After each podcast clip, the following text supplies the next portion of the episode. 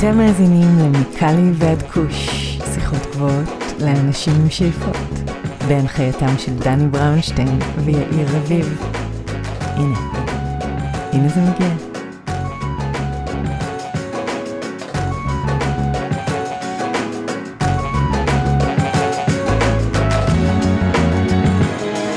אהלן אהלן, מה קורה יואב? אהלן אהלן דני, הכל אש.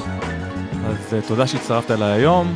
בשבוע שעבר אני ויאיר הקלטנו פרק מאוד מאוד מאוד מעניין ומרתק עם דוקטור אמנדה ריימן, אה, פרק שהזכרנו אותו לא מעט בשבועות האחרונים, ובפרק עצמו דיברנו על סוגי צרכני הקנאביס. מי הם אותם צרכני קנאביס, מה הם אוהבים לצרוך, למה הם צורכים קנאביס? וכולי וכולי. אז יצא באמת פרק סופר מעניין, אני מציע שנעבור לפרק ונקשקש קצת הרבה אחרי, בעיקר על סוגי הקנאביס או על סוגי צרכני הקנאביס בישראל דווקא, משהו שלא דיברנו ברעיון. אז שווה מאוד לחכות לשיחה שלי ושלך אחרי הרעיון. בינתיים בוא נעבור לרעיון עם דוקטור אמנדה ריימן. Okay, good morning, Dr. Amanda Ryman. How are you doing today? I'm doing fantastic. Thank you so much for having me. Absolutely. Give us a sense of geography. Where are you in the world today? I am located in Mendocino County, California, which is about two hours north of San Francisco in the famed Emerald Triangle. That's awesome. I'm based in Los Angeles, California, and my co-host Yair is based in Tel Aviv, Israel. Hello. What's up, Yair? Oh, all good. Election day, so uh, enjoying a day off. Very nice day. Yeah, so Amanda, let's start with an easy one. Tell us about your background and what led you into the cannabis space. Sure. Um, well, I've been a cannabis consumer for over half my life. And then in the early 2000s, I moved to the Bay Area to start the PhD program at UC Berkeley. And that's when I really discovered the early medical cannabis scene. Uh, I was moving from the Midwest in Chicago. We really didn't hear a whole lot about medical cannabis uh, in, in the Midwest. And then when I moved to Oakland, I noticed that there was this whole phenomena happening where cannabis dispensaries and people getting medical recommendations. And so I decided to study it. Um, you know, I was at Berkeley to get my PhD in social welfare. I was very interested um, primarily in the social justice impacts and um, of, of drug policy. Um, so I decided that for my doctoral dissertation, I would study the medical cannabis dispensaries in the San Francisco Bay Area and really how they were operating as health service providers. Uh, the movement in San Francisco for medical cannabis was born out of the HIV movement in the 80s and 90s. And a lot of the early medical cannabis dispensaries were like health service providers, community health providers, and provided a lot beyond just cannabis in terms of social support and services. And so this was really fascinating to me as a social scientist. So I decided to study mm-hmm. it and I did. And that was really what launched my now over 20 year career as a cannabis researcher. It's been a while. so, what's New Frontier data on a high level and what's your methodology? Sure. Um, so I'm the, currently the chief knowledge officer at New Frontier Data, and we're a cannabis insights company. So we really help brands and retailers understand who cannabis consumers are, uh, what their motivations are for consumption, and what their behaviors are so that they can better understand how to market to them, how to develop products. Um, but also from a public health perspective, really understanding how cannabis is being consumed in the US. What are the product verticals that are becoming most popular? Which populations are adopting those products? And, you know, because we've had prohibition for so long in the US, the ability to really understand the consumer has been very, very limited.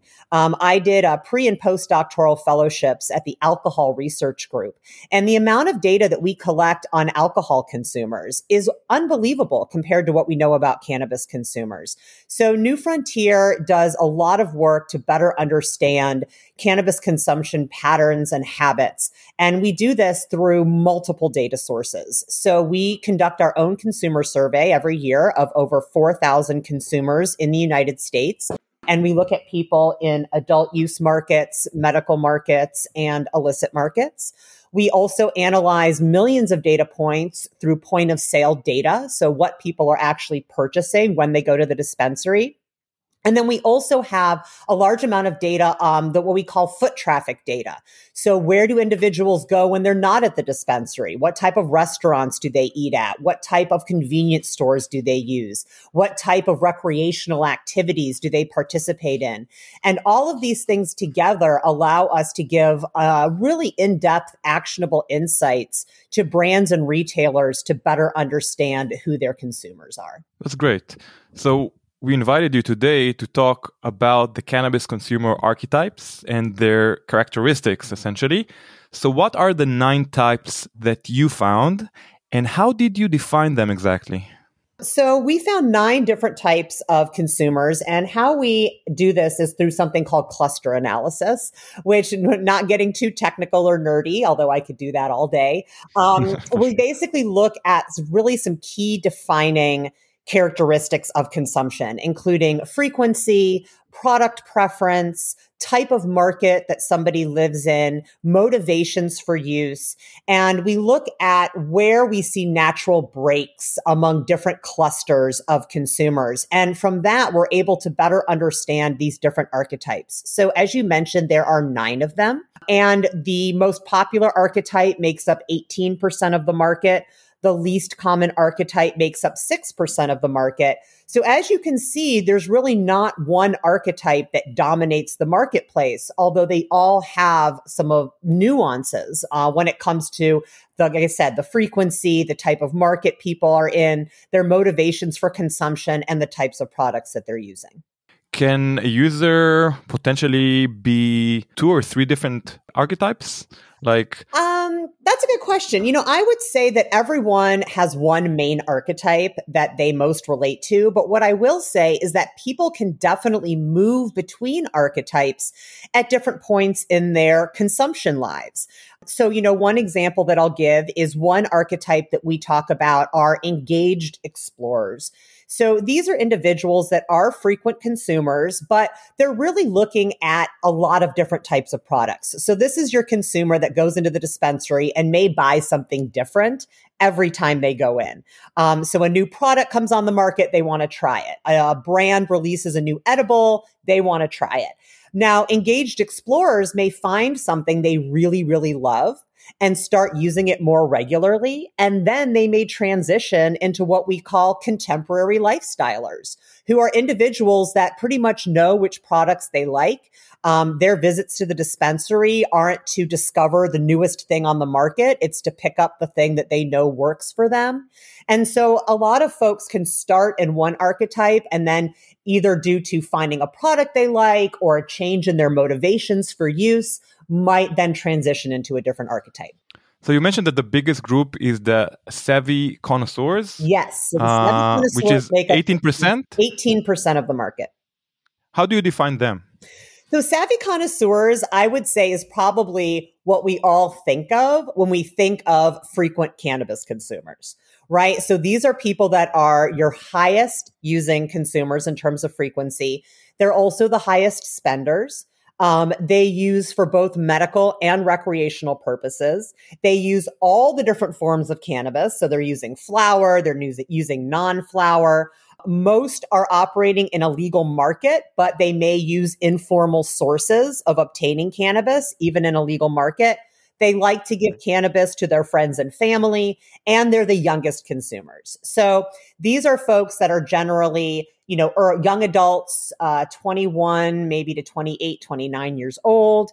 They know a lot about cannabis. So these are the folks that are going into the dispensary and are asking about terpene profiles. They're asking about minor cannabinoids. They are asking about the difference between shatter and rosin and live rosin.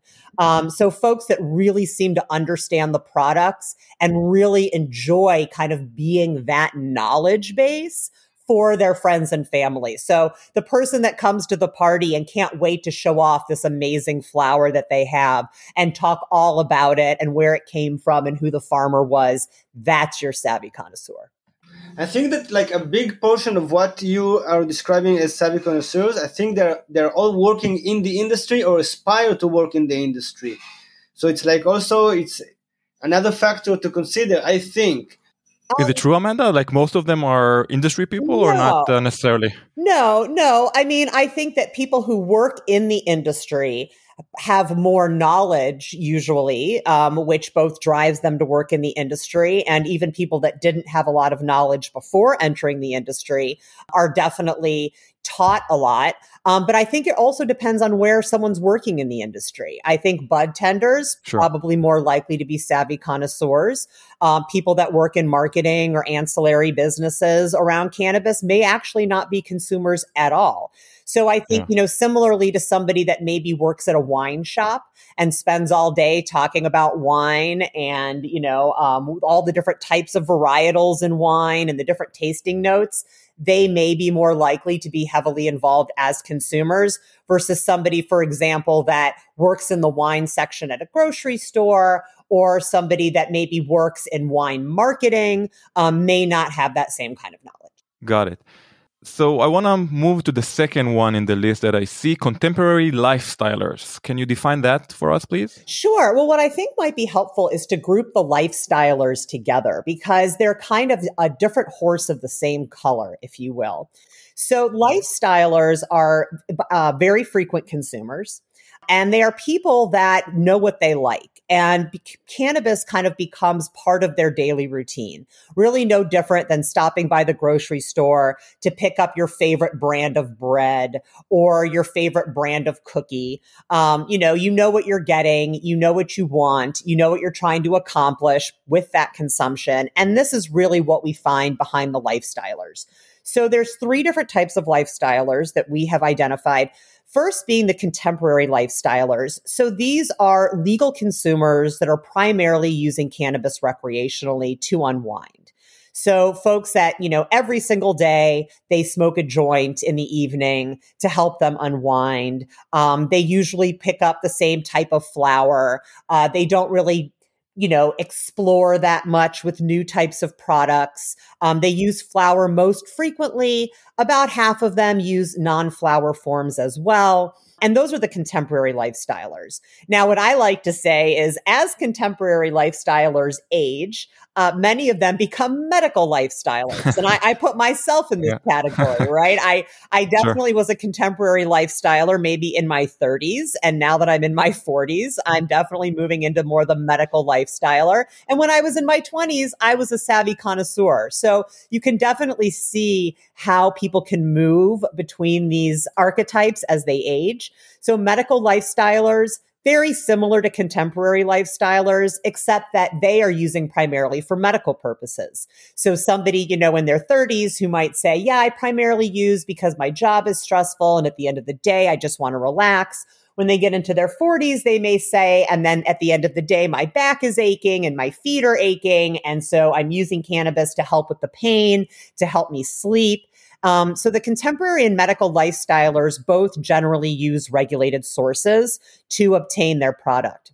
The third type of lifestyler is our legacy lifestyler. And the main difference for this group is that they are primarily using un- informal sources, meaning that they are living in illicit markets. And so they are getting their cannabis from dealers, from friends and family. Um, they're also very frequent consumers, and they're pretty much just like the contemporary lifestylers, save for the fact that they're obtaining their cannabis from illicit an illicit market. Interesting. And what can you tell us about the holistic healers? Yeah, absolutely. So the holistic healers make up the smallest percentage of our group at 6%. So these are very, very infrequent consumers. These are folks that are consuming once in a while, um, almost exclusively for medical purposes, um, primarily for uh, pain or a medical condition. They're very unlikely to consume socially. And they use almost exclusively non flower products, especially topicals. Uh, this is the oldest archetype and it leans female. So when we think about holistic healers, we're mostly thinking about older women who are using cannabis topicals or tinctures for pain or related medical conditions. uh, when they need it. So this is something that they'll go out and purchase because they need to use it, not because they just want to have it around. And they're not using socially because they're using tinctures and topicals. They're primarily using in their home. Uh, so those are really our holistic healers. My parents are holistic healers, if that's there the case. There you go. Exactly. Yeah. So a lot of folks who have parents that use cannabis, um, who are using for medicinal reasons, who maybe have a topical that they pull out when they have knee pain. Uh, these are your holistic healers. Nice. So I want to move on to social nibblers. Who are they? So your social nibblers are the folks who, if someone puts out some pop brownies at a party, maybe they'll have some. Right. So these are not people that are purchasing their own cannabis. Uh, they're not going to the dispensary. They're getting things from families and friends. Um, they really don't like to smoke, so they're not using flower. Um, they really never purchase for themselves. They're mostly recreational consumers. So again, you know, um, you are going out with a group of friends. Somebody brings some cannabis gummies. You decide to have one before you go out this is who the social nibblers are. They're usually highly educated um, and they lean female. So you can imagine, you know, a woman going out with her girlfriends or, you know, going out to see a show and deciding before she goes, she's going to have a little cannabis gummy that her friend brought to her. Um, these are your social nibblers. So, what's the main difference between social nibblers and infrequent partakers? So, infrequent partakers are very similar to social nibblers, but they're flower people. So, these are folks where instead of uh, uh, occasionally having a gummy, these are the folks where if you're at a party and someone's passing around a joint, they'll probably take a hit. Um, they're not likely going to buy their own. They are primarily recreational consumers. Uh, they like to use for relaxation and to socialize, and they tend to be older folks. So, you know, these are people that aren't necessarily going out to the dispensary. They're not trying a bunch of different products, but if there's a joint at a party and they feel like it, they may partake. Interesting. So, how about modern medicinals? Because it sounds like it's some sort of a hybrid between medicinal lifestylers and holistic healers. Is that the case? That is, that's a very good way of putting it. So modern medicinals, unlike holistic healers, but like contemporary lifestylers, are very frequent consumers. And like um, medicinal, uh, medical lifestylers, their primary use of cannabis is for medical uses, primarily pain or a medical condition. And then like holistic healers, they're probably not going to use socially. Um, so these are folks that are, I would say, true medical users. So they, most of them live in a legal market. They're getting from regulated sources and they're most exclusively using non-flower, um, especially tinctures. So I would put modern medicinals. I would think of them as older women who use tincture every single day, perhaps to help with pain, perhaps to help with sleep, perhaps to help with anxiety, but they are regular consumers. So unlike our holistic healers that may go out and buy a topical or a tincture for a specific purpose, modern medicinals usually have it on hand. But unlike contemporary and medical lifestylers, they're not the smokers. So one big differentiator around the lifestylers in general is that they use flower. So these Got are it. folks that are flower consumers. Modern medicinals, even though they use frequently, they're primarily using non-flower. So like I said, these are folks that always have a tincture in their medicine cabinet. Got it. Last but not least, who are the engaged explorers? So your engaged explorers, also frequent consumers, um, also primarily recreational consumers. They really like non-flower forms. So these are the folks that are trying all the different edibles. They want to try all the different drinks that are coming on the market.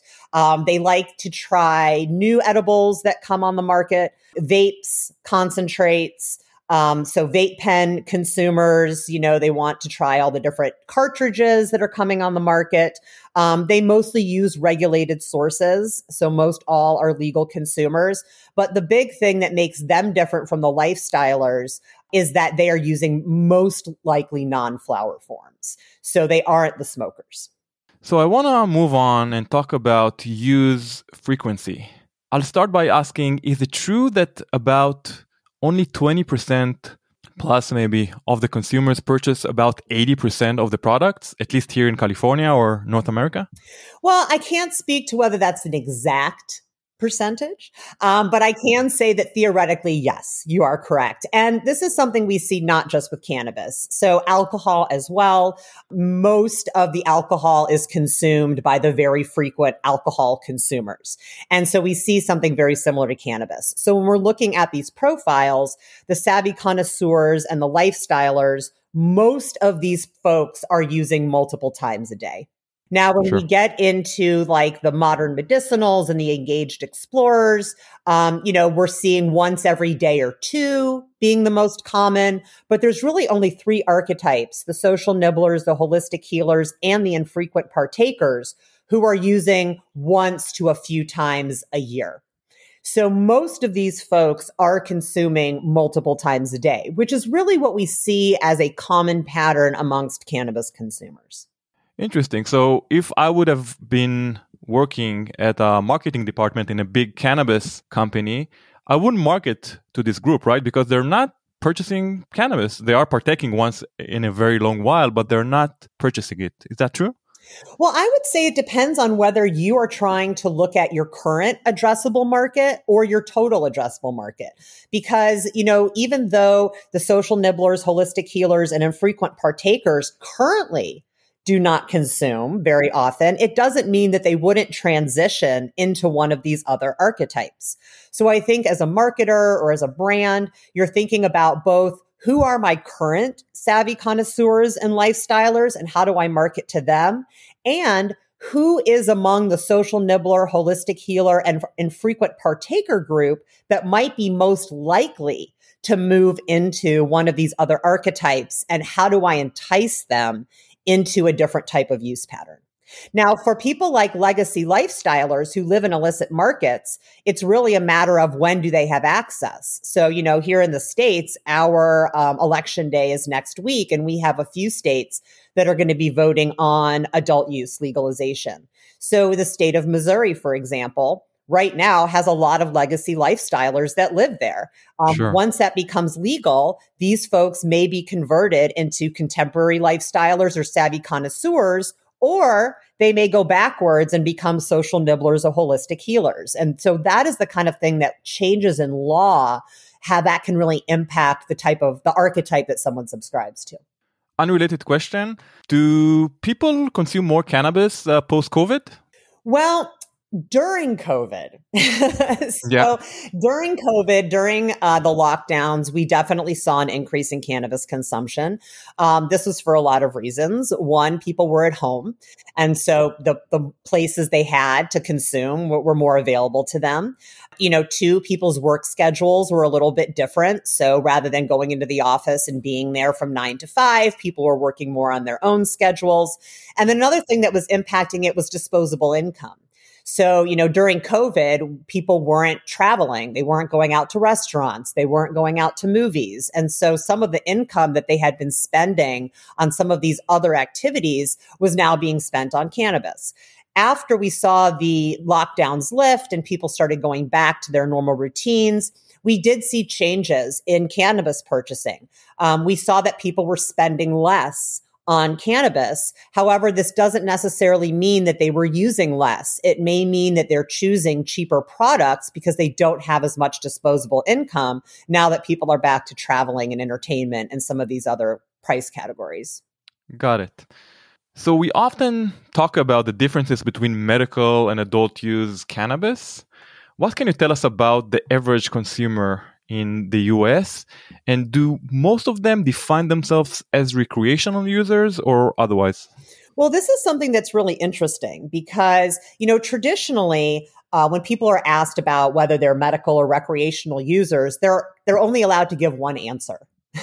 right? Right. Um, are you medical or are you recreational? And as we know in the states, that answer in some states can determine whether what you're doing is legal or not. So people are really used to thinking about, am I a legal medical consumer or are, am I a recreational consumer?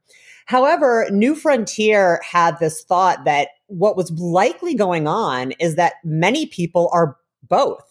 And so in our consumer survey this last year, we did allow users to identify on four categories instead of just two um, from only medical, primarily medical, primarily recreational, and only recreational. And what we found is that over half of consumers say that they're both. So 52% of consumers say, I am both a medical consumer and a recreational consumer. And in fact, only 27% say that they are only medical consumers, and 32% say that they are only recreational consumers. And so, as we start to look at cannabis um, beyond just this strict legal definition of medical versus recreational, what we're finding is that the motivations for use span medical to recreational, and that in some cases it's a little fuzzy about whether a use intention belongs in the medical bucket or the recreational bucket. I agree. I think it's in most cases it's kind of fuzzy. We, will talk about the primary uh, reasons for use in a second, but yeah, you tell me if I go back home after a stressful day at uh, work, is it medical or recreational? I think it's medical if we're talking about relaxation. Well, and that's really interesting when we are going to get to this, so I don't want to spoil. It. But when we talk about motivations for use, um, you will definitely see that play out. And so I always like to think about stress, right? So stress, um, we know from research and um, medical studies, is a precursor to disease. So, you know, looking at the impact of stress on heart disease, on other types of chronic illnesses. So you could make the argument that a product that allows for stress reduction has a medical application, even though people might think coming home after a stressful day and smoking a joint isn't a medical use. If the mm-hmm. reduction in stress is then preventing the onset of some other illness or is allowing you to get better quality sleep, and we know that not getting good sleep also a precursor to illness, then I think you can make the argument that stress reduction is a medical application. Nice. So, speaking of, why do people consume cannabis these days? You mentioned relaxation, you mentioned lack of sleep. So, um, the leading reasons for use are relaxation, stress relief, and reducing anxiety. So, just as we said, right, when we look at these top reasons, these can lean medical and they can lean recreational it really depends on how the consumer is defining it. So, um, you know, 66% of consumers say that their top reason for uh, consumption is relaxation. And that's followed 64% say stress relief and 56% say reducing anxiety. So when we look at these leading reasons for use, they sound kind of recreational but, you know, going back to our point before, if reducing anxiety is preventing you from having high blood pressure or it's preventing you from having a stress response where your body is re- uh, releasing cortisol, then I think that can definitely be looked at as a medical application. The other thing I'll mention here is that for a lot of folks who have medical conditions, it's not just physical symptoms that people are looking to treat. There's a lot sure. of mental health conditions and symptoms that come along with having a chronic illness. So individuals that are looking to relieve stress may be looking to relieve stress related to a medical condition um, that they may or may not be using cannabis for. So we spoke about different cannabis consumers, yet each cannabis market has different products and categories to offer to their consumers. So with that said, what do we know today on how people consume their weed and whether we see dramatic changes in this regard. So it probably doesn't surprise you all that flower is still tops. Um, so the top form, 83% of consumers are consuming flower. So, you know, kind across of, the board, right? Ac- across yeah. all the US markets? Yes. Yep. Yep. Okay. So, um, including illicit. And it's again, it's not surprising because with illicit market, you don't have too many choices, right? Right. Right. So, you know, in unregulated marketplaces, um, you know, people are definitely using flower primarily because they don't have access to anything else. Um, so as markets turn from illicit to regulated, we are seeing an uptick in manufactured product use. So edibles, topicals, tinctures, beverages, you know, when a market becomes regulated, those are products that are being introduced in a safe way that may not have been there before. So as states continue to change their laws, we'll likely see more use of these manufactured products. However, you know, and this is maybe just because I've been consuming cannabis for over half my life, I think that flower will maintain its role in cannabis consumption. Um, really? Also, oh, in the future, in let's say in a globally regulated market? Oh, absolutely. I mean, you know, even when you look at tobacco, like there's e-cigarettes, there's tobacco gum. I mean, there's a lot of ways to get nicotine into your body besides smoking cigarettes, but people still like sure. tobacco. They like the flower. They, you know, they they like what it means to be connected to the plant in that way. And because I feel that a lot of cannabis consumers you know, kind of maintain a relationship to the plant, that flower will always have its place you know, the ability to use flower in a regulated market is going to be variable. A lot of that is going to depend on public consumption laws. It's going to depend sure. on whether we have locations where people can go and smoke flower. Um, but I think we're also seeing technology like flower enabled vaporizers where people can still consume via flower, but maybe not with smoking. Um, you know, home grow laws. A lot of people like to grow their own cannabis um, and use flower. So I think flower will continue to have a place in the market, but we are going to see, I think, folks kind of differentiate their use and, and, not just go to flower, but maybe use some of these other products as well, because the reality is also for things like potency and stability of effect. You know, manufactured products are going to be more likely to give that to a consumer than flower because of the ability to know exactly how much THC is in something, the ability to make the same product the same way every single time. Um, you know, when we look at why people choose certain products, um, you know, the number one reason is, you know, I want to know the effect it's going to have. And so if people can choose a product that's going to give them the same effect every time, I think that's of, of great value.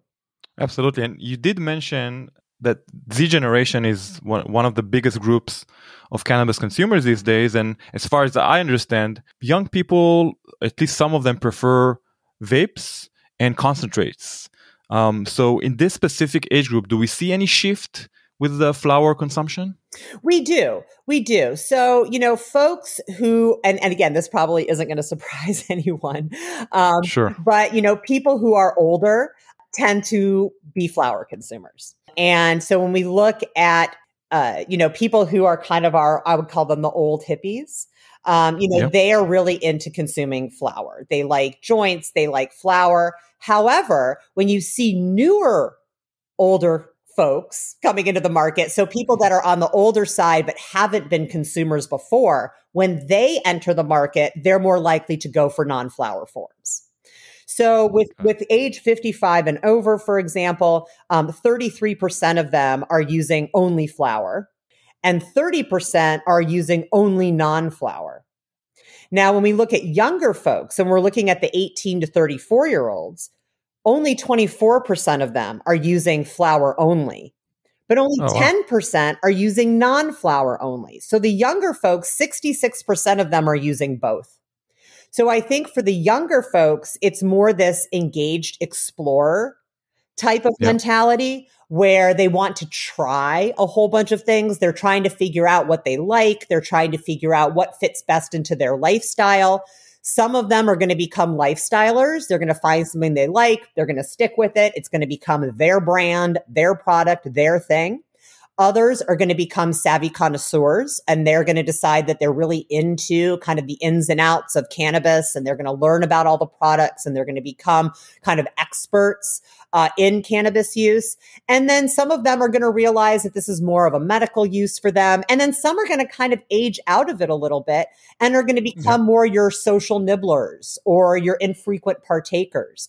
So a lot of this initial phase, especially I would say 18 to 25 years old, is kind of an exploratory phase where people are trying to figure out how to even develop their relationship with cannabis. Interesting. So, what do we know about gender differences in terms of consumption and preferences? Are men still consuming more cannabis compared to women? And if so, what's the difference? So, I would say men are consuming more cannabis than women. Um, there is, you know, kind of a caveat here that I have to mention when we talk about self report of cannabis use, especially in an illicit market. Um, women have traditionally had more risk about being outed as a cannabis consumer because they're likely to be the primary caregiver of children. And because of stigma and because of laws around parenting, uh, it's hard sometimes for women to admit to being cannabis consumers, even in legal markets, because of the assumptions made about parenting and cannabis consumption. So I just want to give that caveat. Um, but that being said, when we look at the types of products that men and women are consuming, we definitely see women are um, consuming more non flower products.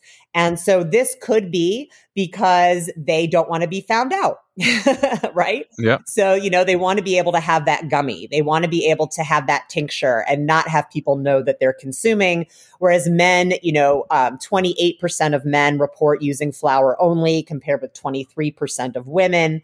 I think that men may feel more comfortable using flower. They may feel more comfortable smoking. You know, there are stigmas that exist around women smoking. So I think that some of these stigmas and legal issues around what it means for women to be cannabis consumers is still impacting both the likelihood of them using cannabis and their willingness to admit it.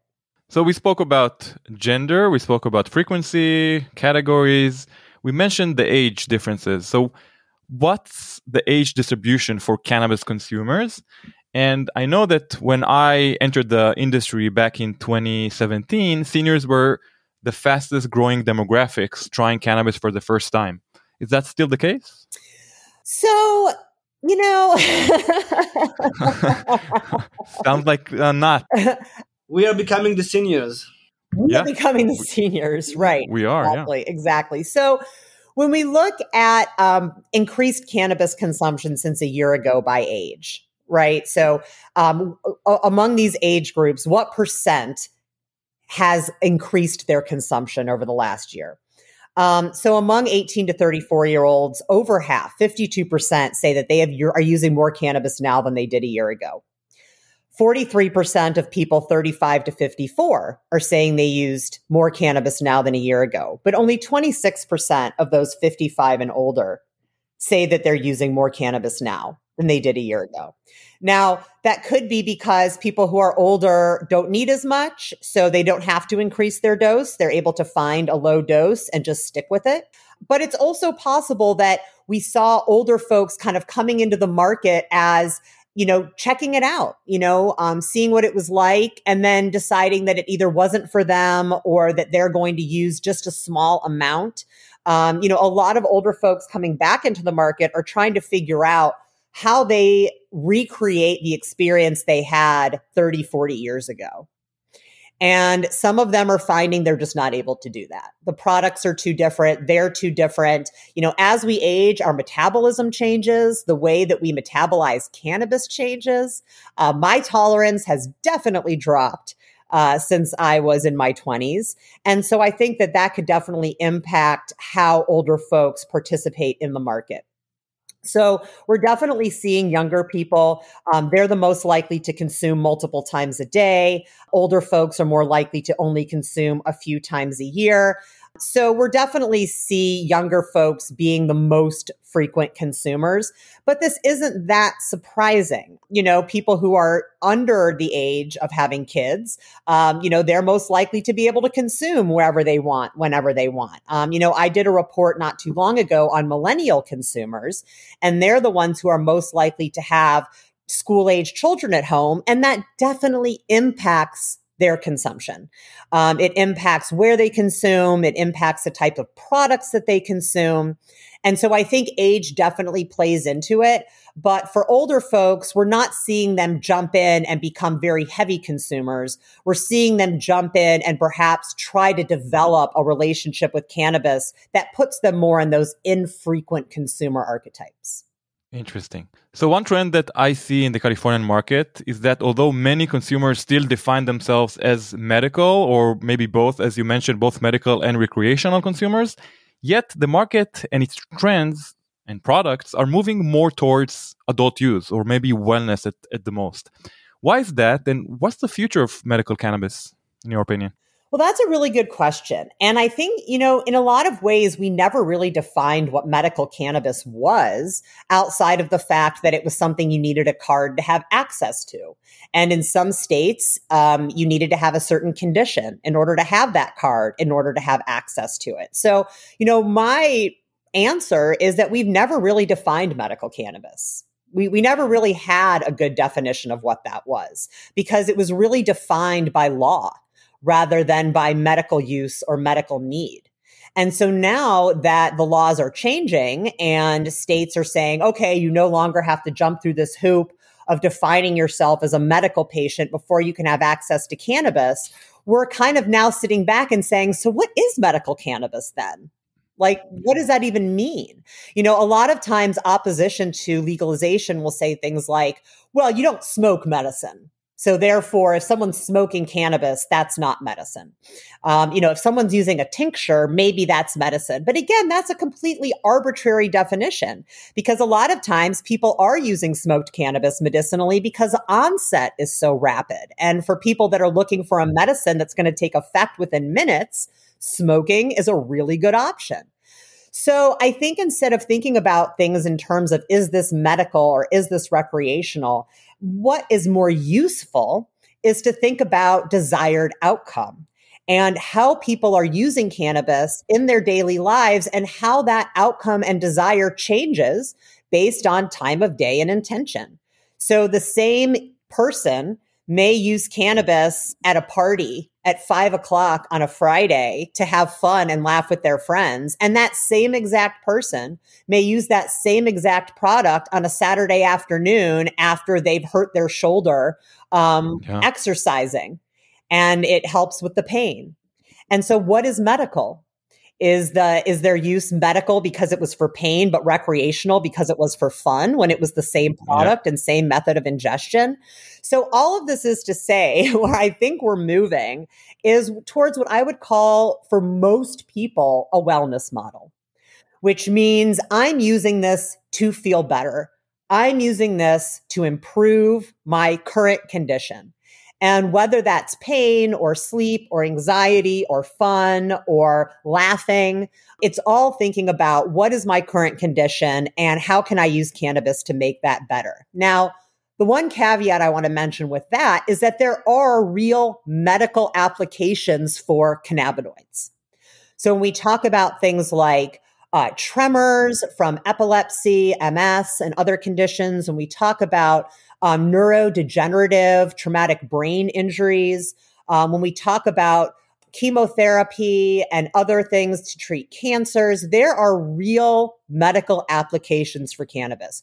We have not really yet been able to develop a market for these medical applications in the United States because of the Schedule 1 status of cannabis. Yeah.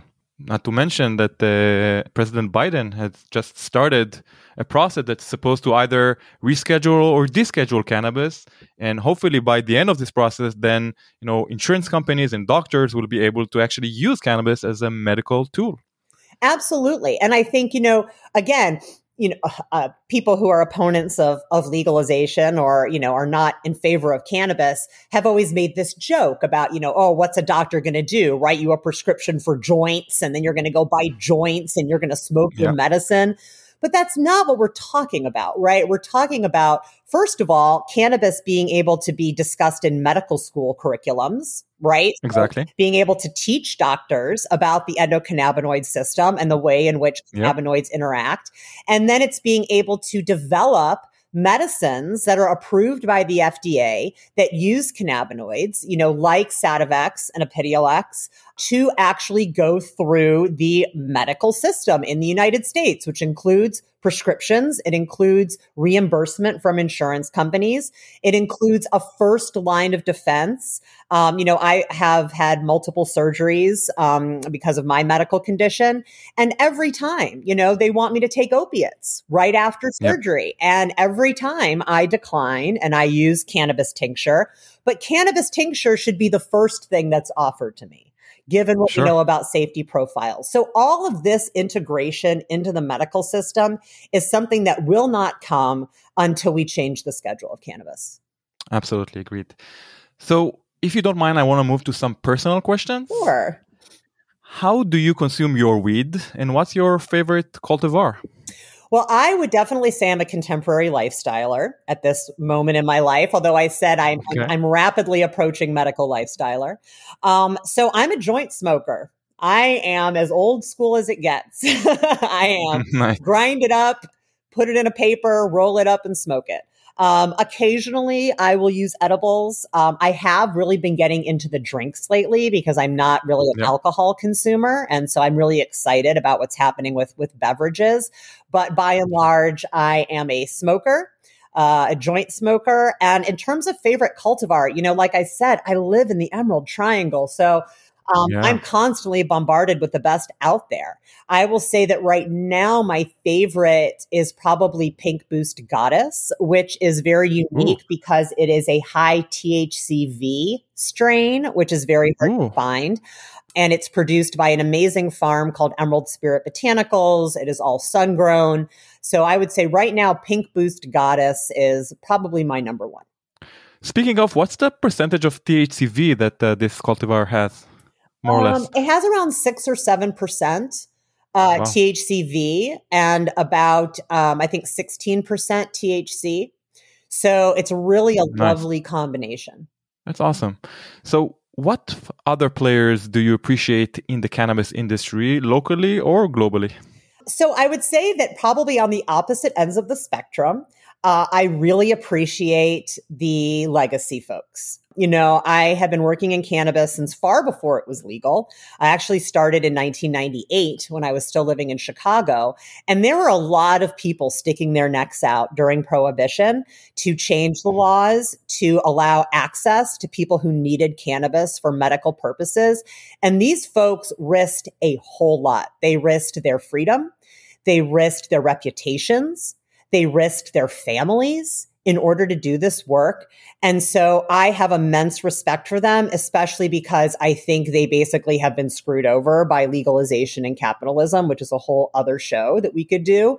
So those that are still out there and are still really advocating on behalf of the plant, uh, I really appreciate them. And then on the other end of the spectrum, I really Yep. appreciate the scientists who are not cannabis consumers, who do not have a background, but understand the importance of this plant in terms of medical utility and are fighting Mhm. in the mainstream medical schools and programs. And I'm looking at you, Israel, because you all have really Yeah. forged this path um, to make it acceptable, to make it acceptable for a neuroscientist to decide that they're going to focus their research program on how cannabinoids uh, interact with the brain. Like that, those people are very important because as much as we need the folks that are going to be out there growing the plant and championing the advocacy, we need the folks who have the reputation in the research world and the legitimacy to move this forward as a global medicine. Well said.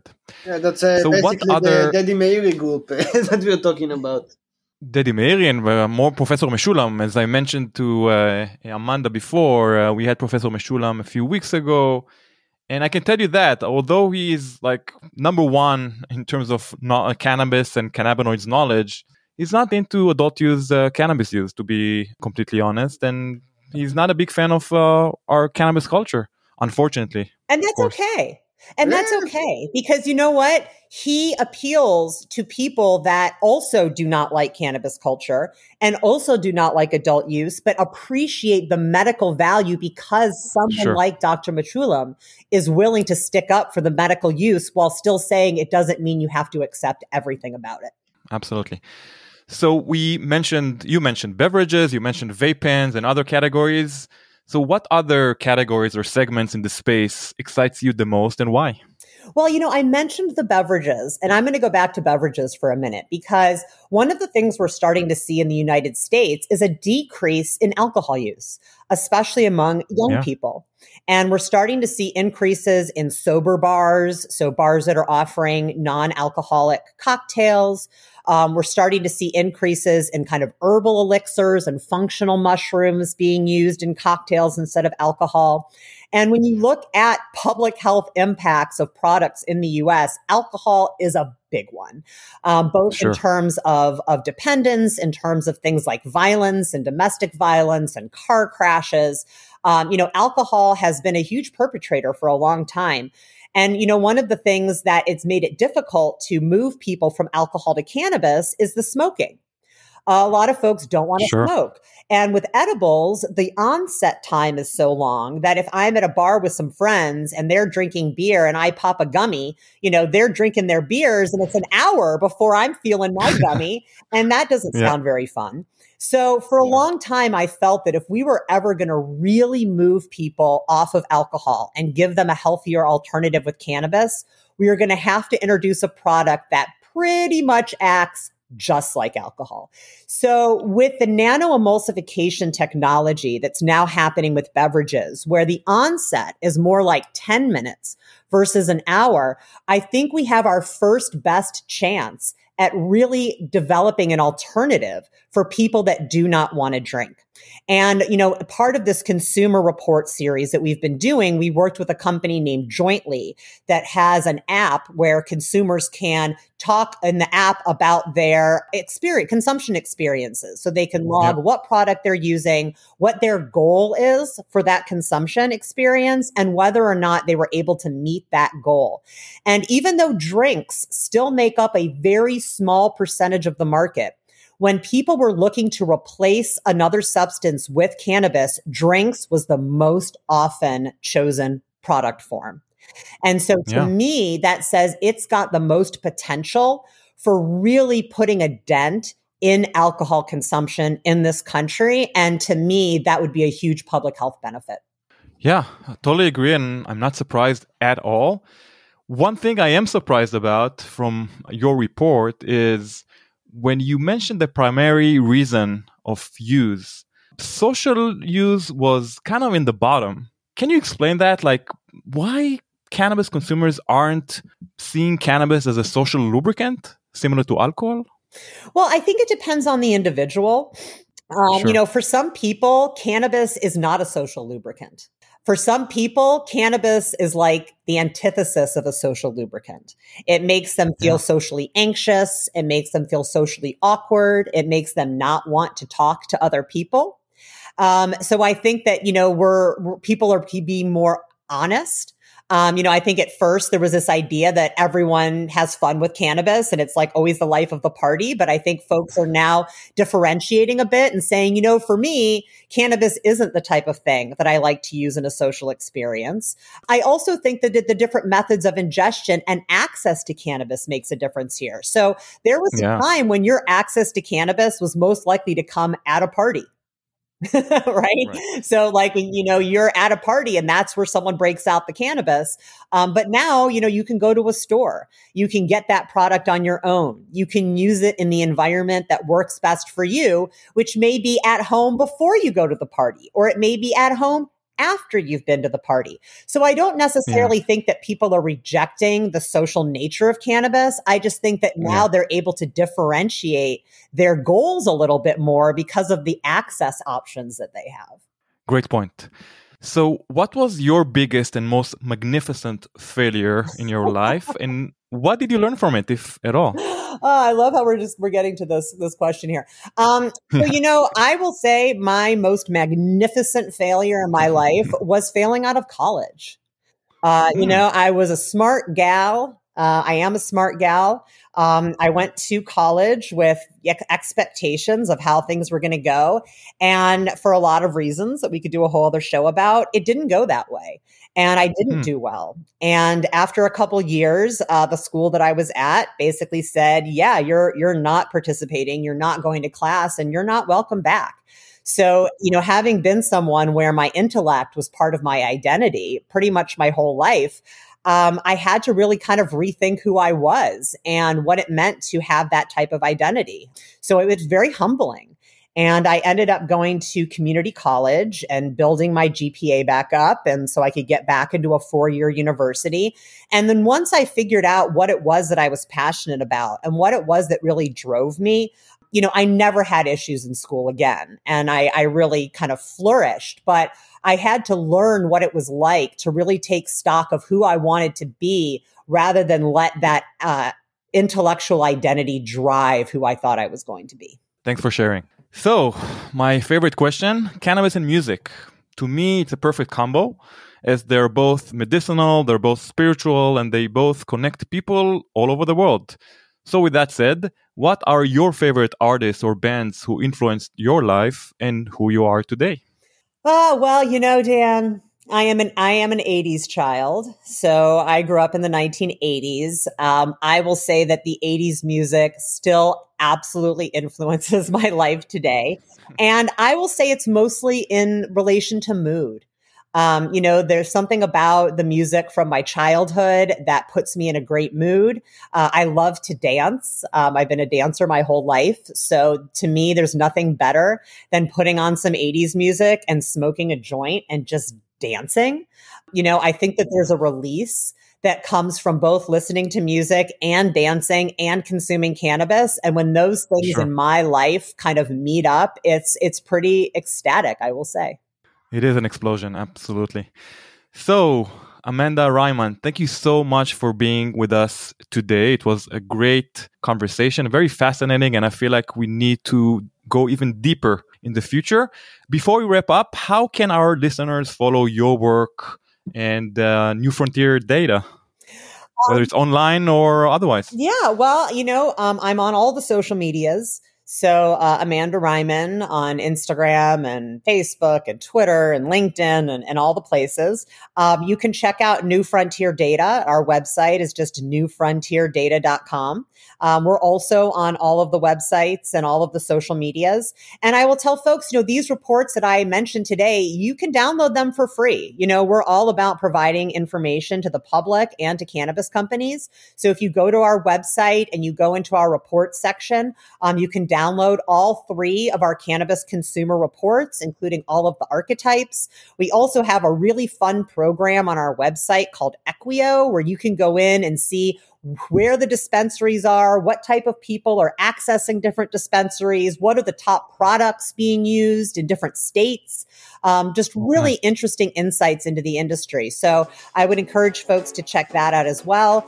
And then I'm not sure when this is going to air, but if it's um, before MJ BizCon in Vegas, we will also be there. So look for us on the retail floor. We're going to be doing some really interesting demonstrations. And we're also going to have a quiz that you can take to figure out which cannabis archetype you are. Thanks again for this interview, Amanda, and uh, good luck with New Frontier data in your personal life, etc. So thanks again. Well, thank, thank you, you so much for having me. Thank you so much. אז זאת הייתה דוקטור אמנדה ריימן, אתה כאמור הקשבת לפרק. איך אתה רוצה לפתוח את השיחה בינינו? אני חושב שזה יפה שאפשר לראות את uh, השינוי בארצות הברית uh, ובאמת uh, לראות לעומק שוק שהוא חוקי והוא ברגולציה והוא קצת יותר מפותח ממה שיש לנו בארץ. וזה מאוד מעניין להסתכל ובעצם לראות את הנולד ואיך השוק שלנו ייראה עוד כמה שנים. הזכרת את השוק האמריקאי אנחנו מקליטים פה אחרי הבחירות בחירות האמצע בארצות הברית בלי להזכיר את uh, כל המאבק הפוליטי בין הרפובליקנים לדמוקרטים אפשר להגיד שהקנאביס ניצח חלקית ונוספו בעצם שתי מדינות נוספות לשוק הפנאי שוק הפנאי בצפון אמריקה.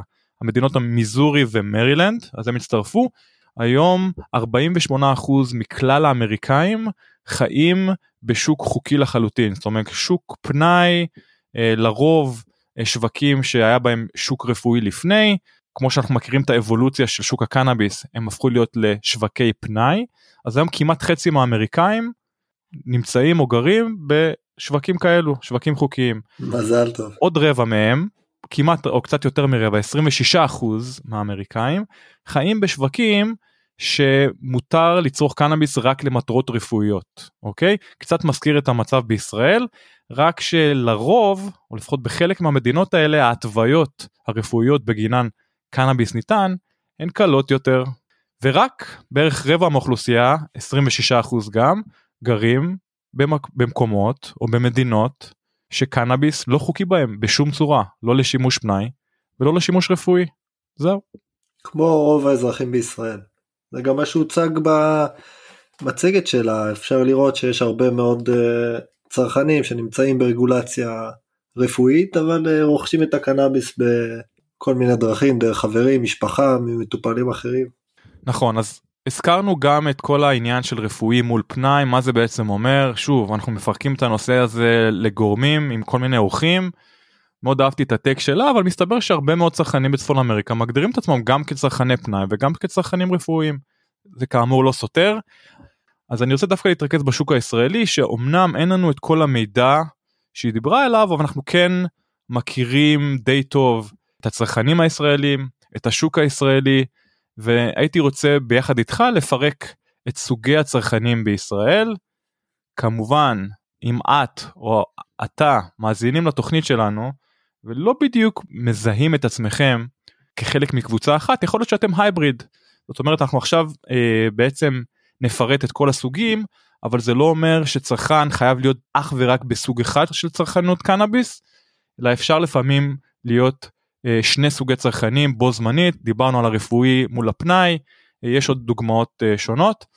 עכשיו אני מניח שאותם אה, קודקודים במחלקות השיווק יקשיבו לפרק הזה כי אני מניח שגם הם דיברו על אותם נושאים בדיוק. מי צורך את הקנאבי שלהם? מי קונה אותו? מה הסיבות בגינן אה, אה, מטופלי קנאביס אם זה מטופלי פנאי או מטופלים רפואיים צורכים את הקנאבי שלהם? אז כל, על כל זה אנחנו בעצם נדבר עכשיו אז זה היה הקדמה מאוד ארוכה לשיחה יחסית מרוכזת על סוגי הצרכנים. אתה רוצה להתחיל או אתה רוצה שאני אתחיל? תראה הכי מוכר וידוע זה בעצם הסטלן המצוי. אני חושב שזה מסורתית אה, הצרכן המרכזי בישראל, נכון? אני מסכים איתך, הסטלן המצוי, יכול להיות גם הסטלן מתוחכם, או סטלנים מסוגים שונים, באמת, סטלן אני חושב שזה מילת גנאי, אבל זה מילה שכולנו מכירים, ולרוב ברגע שאנחנו מזכירים את המילה סטלן, אנחנו מדברים על משתמש או משתמשת שמשתמשים בקנאביס באופן תכוף, אוקיי? מספר פעמים ביום, כל יום, אז הסטלן המצוי המתוחכם, בפרק קראנו לו קונוסור, סבי קונוסורס, ככה אמנדה קרא להם לקבוצה הזאת הספציפית. Uh, גם במחקר של אמנדה הקבוצה הזאת הייתה גדולה מכולן, uh, כמעט 20 אחוז. וגם כמו שאתה אומר בישראל, כנראה שזאת הקבוצה שקונה הכי הרבה קנאביס. אם זה ממקורות חוקיים, אם זה ממקורות לא חוקיים. הם טיפוסים שמשקיעים בזנים ובציד זנים, במוצרים אקזוטיים. הם לרוב מעדיפים מוצרים איכותיים או סמי איכותיים, הם לא יצרכו זבלה בכל מה שקשור בקנאביס, והם יודעים להעריך את האיכות בהשוואה לשאר סוגי המשתמשים. לרוב גם הם מחזיקים בסטה שלהם בארון הבית או איפה שהם לא מחביאים את הקנאביס הם מחזיקים במספר זנים לא רק אחד. Uh, עוד משהו ששווה להגיד על הסטלן המצוי או המתוחכם, הזכרנו את זה גם בפרק, זוהי בעצם הקטגוריה או זוהי בעצם, uh, זה סוג הצרכן שצורך הכי הרבה קנאביס בשוק, אוקיי? שכל uh, מחלקות השיווק או מנהלי השיווק מדברים על מיהו הצרכן הישראלי ואיך הם. צריכים לשווק את המוצרים שלהם באופן טוב יותר, זה סוג הצרכן הראשון שעולה להם בשיחות. אז בהקשר הזה אני לא יודע אם המספרים שאני אומר כרגע מדויקים, אבל אם דיברנו על קליפורניה או צפון אמריקה, ש-80% או קרוב ל-80% מהסחורה נמכרת לבערך 20% מהצרכנים, אנחנו מדברים בדיוק על הסצנריו הזה, בדיוק על הסוג צרכן הזה, שצורך הרבה, ולרוב גם משתף אה, חלק מהדברים שהוא קונה עם החברים והמכרים שלו.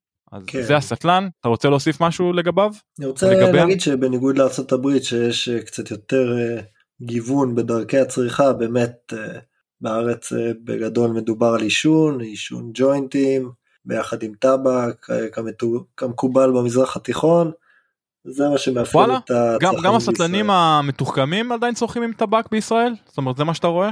לא יודע מי יותר מתוחכם פחות מתוחכם, אה, קצת מודעות יותר, אבל בישראל ככה מעשנים את הקנאביס, בניגוד לארצות הברית, וזה מאוד מובהק. זה עניין של חיסכון זה עניין של חזק להם מדי נקי like, מה, מה הסיבה העיקרית שטבק נכנס לג'וינט או לקססה של אה, אותם משתמשים. זה תרבותי, זה עניין מסורתי, במזרח התיכון תמיד היו מעשנים מסורתית את החשיש, החשיש הגיע עם הטבק, ועשה את המעבר הזה בתחילת שנות האלפיים כשנכנס ה... בעצם הקנאביס המודרני, מה שקראו לו אז היידרו, ומה שקוראים לו היום אה, בעצם הקנאביס הרפואי, אז עדיין נוהגים למהול אותו במחשבה שבעצם אה, חוסכים פה חומר. עכשיו בפועל, אנשים לא יודו בזה, אבל אה, האלמנט הממכר של הטבק משחק פה תפקיד מאוד מאוד חשוב. חד משמעי. מעבר לזה שגם הטעם שונה אנחנו מדברים על קונוסור או אנשים שיודעים להעריך איכות וטעם. אני לא אקח את הכיף מהחוויה של ערבוב הטבק כי אני בעצמי נהגתי ככה לצרוך קנאביס בצעירותי. יחד עם זאת אם אתה רוצה להבין אה, ולחקור את הטרפנים ואת הטעמים השונים והריחות והארומות של כל זן שאתה צורך עדיף לצרוך אותו נקי. עדיף אגב מהבחינה הזאת להדות אותו ולא לשרוף אותו אם אתה רוצה באמת להרגיש את האסנס של אותו זן. אבל גם עישון אנחנו יודעים יש לו את האיכויות שלו. אה, בעיקר אם אתה מעשן אותו בג'וינט נקי עם נייר מאוד דק עם פחות נייר מבדרך כלל. הקלטנו פרק הפרק הקודם עם נוח רובין שהוציא ספר אה, לגלגול ג'וינטים או על ספר שבו הוא מדבר על אומנות גלגול והתרבות שמאחוריה אז רק לסכם את, את הסטלן המצוי לרוב גם בישראל גם פה בקליפורניה אותם משתמשים יעדיפו פרחים לא פרי רולס שהכינו להם מראש ולא אכילים ולא משקאות הם יעדיפו את הצורה המקורית של הפרח. אני כן יכול להוסיף שהדור הצעיר פה בקליפורניה של אותם קונסורס גם צורך קנאביס באידוי של שמנים או דאבינג אם תרצה כמו שאני צורך. אם זה אה, חשיש מודרני או לייב רוזן או לייב רזן זה גם קטגוריה שנכנסה עמוק אל נבחי הסטלן המצוי או המתוחכם אם תרצה. ולכן כשאנחנו מסתכלים על סוגי צריכה של אותם צרכנים לרוב זה יהיה עישון או אידוי של פרחים ומיצויים. הסוג השני שבחרתי לציין זה הצרכן החברתי אוקיי? אז אם הצרכן המצ... הסטלן המצוי המתוחכם הוא יחסית צעיר גם הצרכן החברתי הוא יחסית צעיר אנחנו מדברים על גילאי 21 עד 55 יכול להשתמש פעם בשבוע עד פעם בחודש. לרוב הצרכן החברתי לא רוכש קנאביס בכלל כמעט ותלוי בעיקר בחבריו או מכריו או משפחתו. לרוב הוא יצרוך או היא תצרוך רק שמציעים להם בישיבה סוציאלית או אירוע חברתי כזה או אחר ובניגוד לסטלן המצוי הם לא בקיאים בזנים, באיכות המוצר, ב-C4T20, בלימונין ומרסין, הם לא מכירים את המושגים האלה, זה לא רלוונטי, הם רק רוצים לקחת כמה פאפים ולהירגע, זה הכל. כן, אני חושב שאפשר לקרוא לקטגוריה הזאת בעצם הצרכן המזדמן, כי מה שאני מאוד uh, הופתעתי ממנו במחקר זה בעצם uh, שאנשים כשהגדירו את הסיבה שבגינה הם צורכים את הקנאביס אז רק uh, אחוזים בודדים רשמו סושיאל. הפתיע אותי לחלוטין אגב מה שאתה אומר. וזה שונה לגמרי זה באיז, באיזשהו מקום מגלם את השינוי שכשהקנאביס נהיה נגיש בעצם כל האספקט של uh, לרכוש את הקנאביס איך לגלגל אותו איך להכין מכשיר בשבילו הכל זה נעשה בחברותה ונעשה בעצם בצורה חברתית, זה התחיל להתפוגג וזה נהיה פחות ופחות רלוונטי בעידן הקנאביס המודרני. כשבעצם הקנאביס אז... נגיש, זמין, חוקי, ולא צריך לעשות כל הטררם סביב הצריכה שלו. אז uh, נקודות טובות, אני כן חושב להתייחס למה שאמרת שזה מאוד תלוי איפה הצרכן גר, אם זה מדינה חוקית או לא, כי כמו שהזכרנו לפני, אם זה מדינה לא חוקית, הסיכוי שתתארגן דרך חברים שלך הוא יחסית גבוה, אוקיי? או לפחות תתארגנו ביחד ממקור מסוים. עכשיו, בנוסף, אם אנחנו מדברים על הצרכן החברתי, אה, חשוב להגיד שקנאביס הוא עדיין social lubricant, אוקיי? הוא עדיין אה, חומר שיכול לחבר בין אנשים, אנחנו מדברים על זה בכל פרק, הוא מחבר בין אנשים בכל העולם, אוקיי? העניין הוא שהיסטורית וחוקית קשה לראות אותו במקום בו יושבים אנשים באירועים חברתיים, ניתן את ההגבלה של ברים ופאבים, אוקיי? הרבה מאוד אנשים מעדיפים לצרוך אלכוהול עם חברים אחרים שהם יוצאים בערב ביחד. לשתות בירה, לשתות יין, ארוחה טובה, אוקיי? ברור, אומרת, זה לא מתאים אלכוהול- לכל האירועים החברתיים, הקנאביס. זה... אז שוב אני אני לא כל כך מסכים איתך כי ואני קצת בייס מהבחינה הזאת כי לי יש חברה שמציעה קנאביס לאירועים חברתיים אוקיי. אנחנו כחברה גראספד אחראים להגיש קנאביס באירועים חברתיים מסיבות אה, אם זה חתונות או ימי הולדת או, או מסיבות של תעשיית המוזיקה או הקולנוע וכולי. ואנחנו רואים דברים שונים זאת אומרת לרוב כל עוד אתה צורך את הכמות הנכונה ולא צורך יותר מדי ויודע בדיוק מה לצרוך אני חושב שקנאביס הוא כן יש לו יכולת לחבר בין אנשים. once צרכת too much או צרכת מוצר שהוא לא נכון והיה קצת יותר כבד מדי בשבילך אז אין ספק שהוא עושה את ההפך הגמור.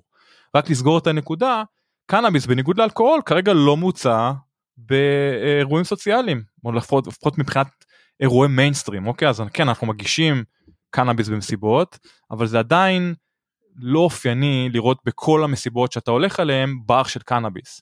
זה כן אופייני לראות בר של אלכוהול או בר של יין או אפילו בר של קפה. אבל קנאביס זה לא דיפולט זה לא משהו שאתה רואה בכל אירוע חברתי.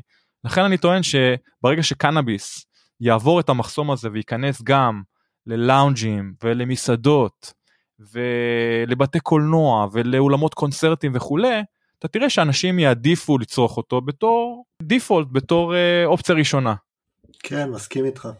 טוב נעבור לצרכן הבא לסוג הבא המטופל הרפואי אוקיי המטופל הרפואי אה, לרוב דווקא יהיה מבוגר יותר באופן יחסי בין אה, גילאי 45 ל-80 הערכתי את זה לרוב הם ישתמשו בקנאביס רפואי לטפל בבעיה רפואית כרונית או זמנית על מנת להקל על מצבם.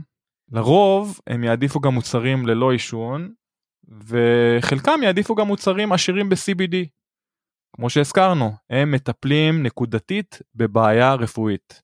זה יכול להיות אפילפסיה, זה יכול להיות תופעות לוואי של קימו, אה, זה יכול להיות אה, MS או, או מחלה אחרת, אבל אנחנו יודעים שקנאביס יכול לתקוף אינדיקציות רפואיות מאוד ספציפיות, וסוגי הצרכנים האלה לא רוצים אה, בהכרח להתמסטל, זה לא מעניין אותם. אני לא בטוח שהם בהכרח יגידו לא להתמסטל, אבל חלקם לא מחפשים את זה, לא מחפשים את הסאטלה. מחפשים באמת להקל על המצב הפיזי שלהם, אולי המצב הנפשי שלהם גם. מה יש לך להגיד על המטופל הזה, או על הסוג צרכן הזה? אני חושב שהרבה צרכנים שהם מטופלים ב-THC בעצם אה, גם אם הם רוצים וגם אם לא אז הם אה, חייבים להיות מסטולים, אה, להתמסטל מהצריכה כי בהרבה פעמים צריך מינונים גבוהים כדי שהטיפול יהיה אפקטיבי. זאת לא הסיבה הראשונה בגינה הם צורכים את הקנאביס, זאת לא המטרה. הגול זה לא להתמסטל. הרבה פעמים אתה מסתכל על התוויות בישראל, התוויות של כאב ושל שינה, אתה רואה שזה כרגע התוויות שבעלייה ובאמת כאב ושינה אנשים... אז אני רוצה, ש... אני רוצה שנייה להפריד בין השניים כי כאב די מתחבר לי לסוג הצרכן שדיברנו עליו עכשיו הצרכנים הרפואיים. שינה אפס ככה די מטושטש זאת אומרת כן מסכים. הקטגוריה הבאה הסוג הצרכן הבא זה צר... מטופל הפנאי או מטופלי הפנאי כמו שאנחנו אוהבים להזכיר אותם. אני חושב ששם דווקא עניין השינה יכול להיכנס לשם.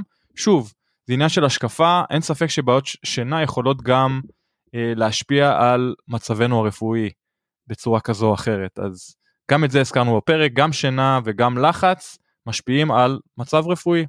תמשיך.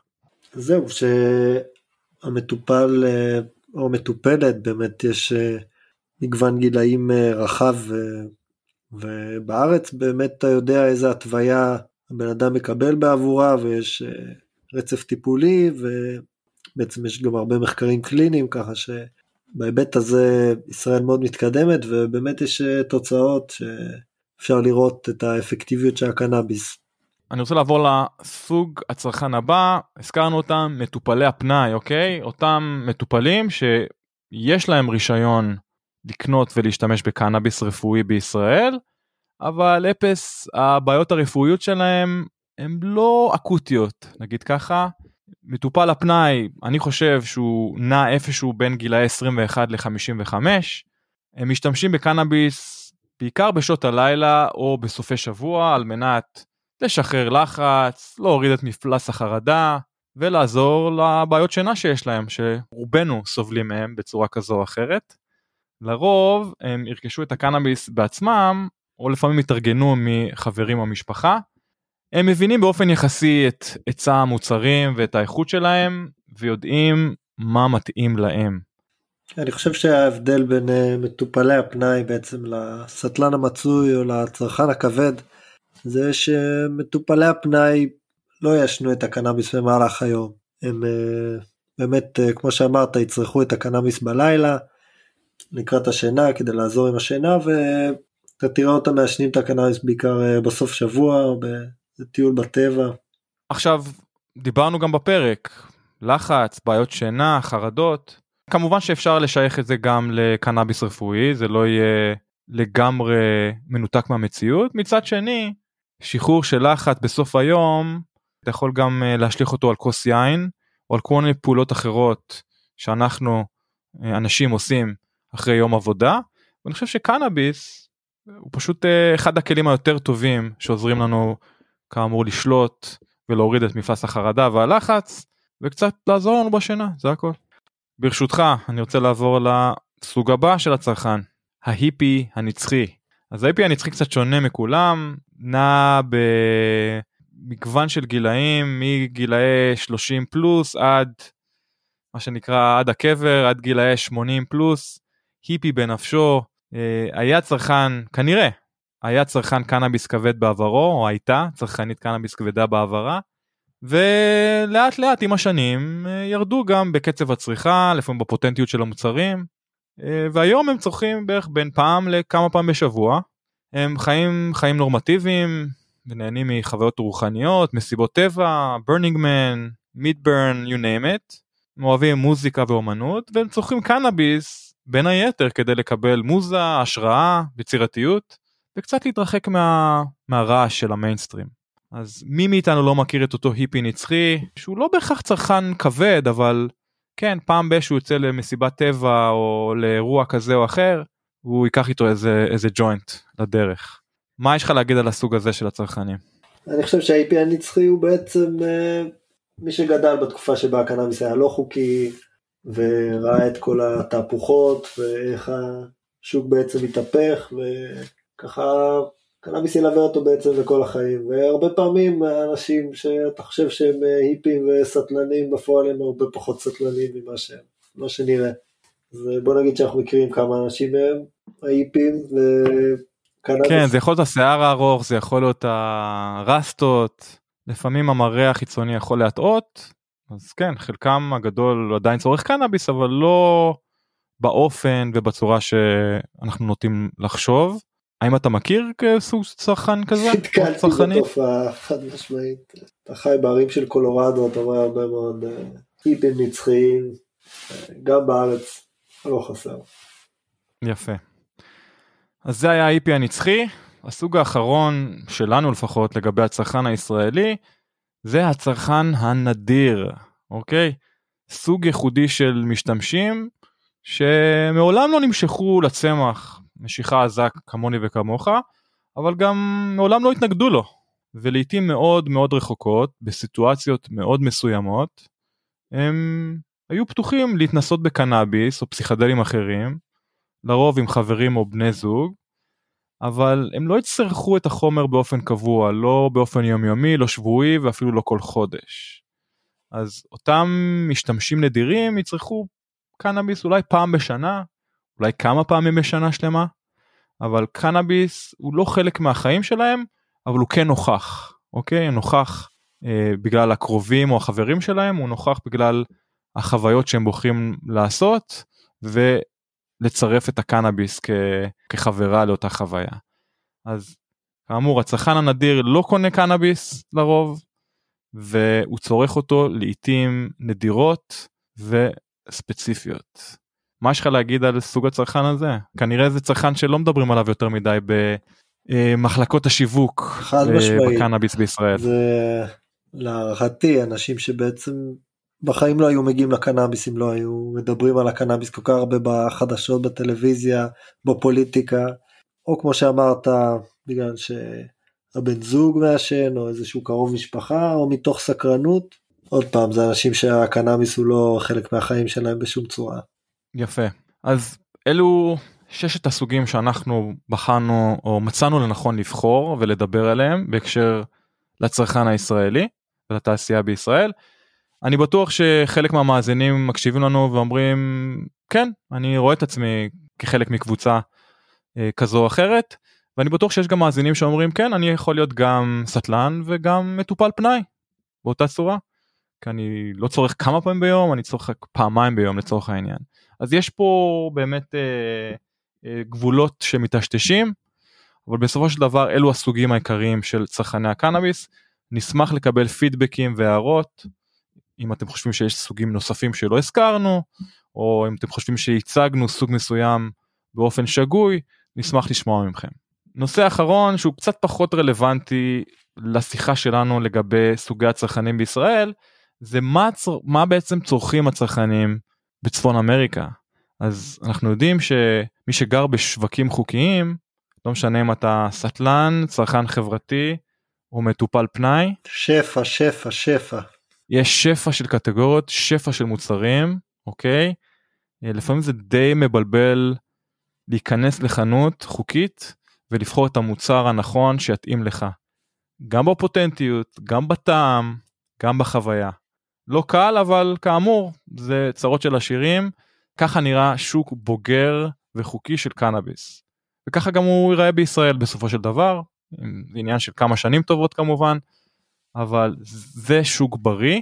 מה שקורה בישראל בהקשר למה שדיברנו קודם אין מגוון גדול וכרגע הצרכן הישראלי יכול לרכוש או פרחי קנאביס תפרחת או טינקטורה שם זה נגמר אז נכון יש קטגוריה קטנה של pre-rolls או גליליות אם תרצה שזה בעצם פרח שטחון או גרוס ומגולגל כבר בנייר מפשט את התהליך ועוזר לאנשים שלא יודעים לגלגל בעצמם.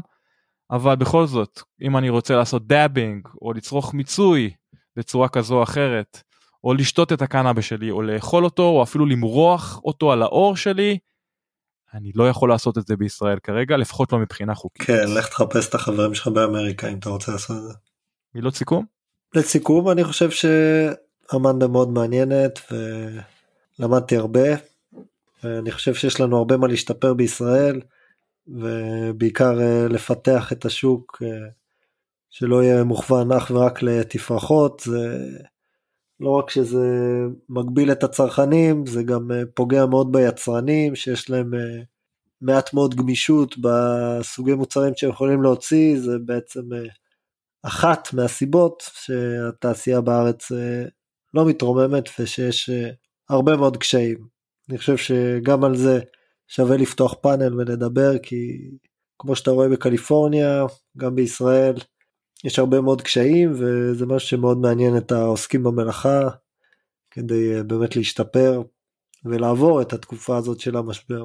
ורק מזכיר בהקשר של מה שאמרת שגם בישראל גם בקליפורניה וגם במקומות אחרים בארצות הברית השוק השחור פורח אוקיי אין שום תעשייה עם uh, מספרים כאלו אימתניים של השוק השחור בהשוואה לשוק החוקי, אין דברים כאלה.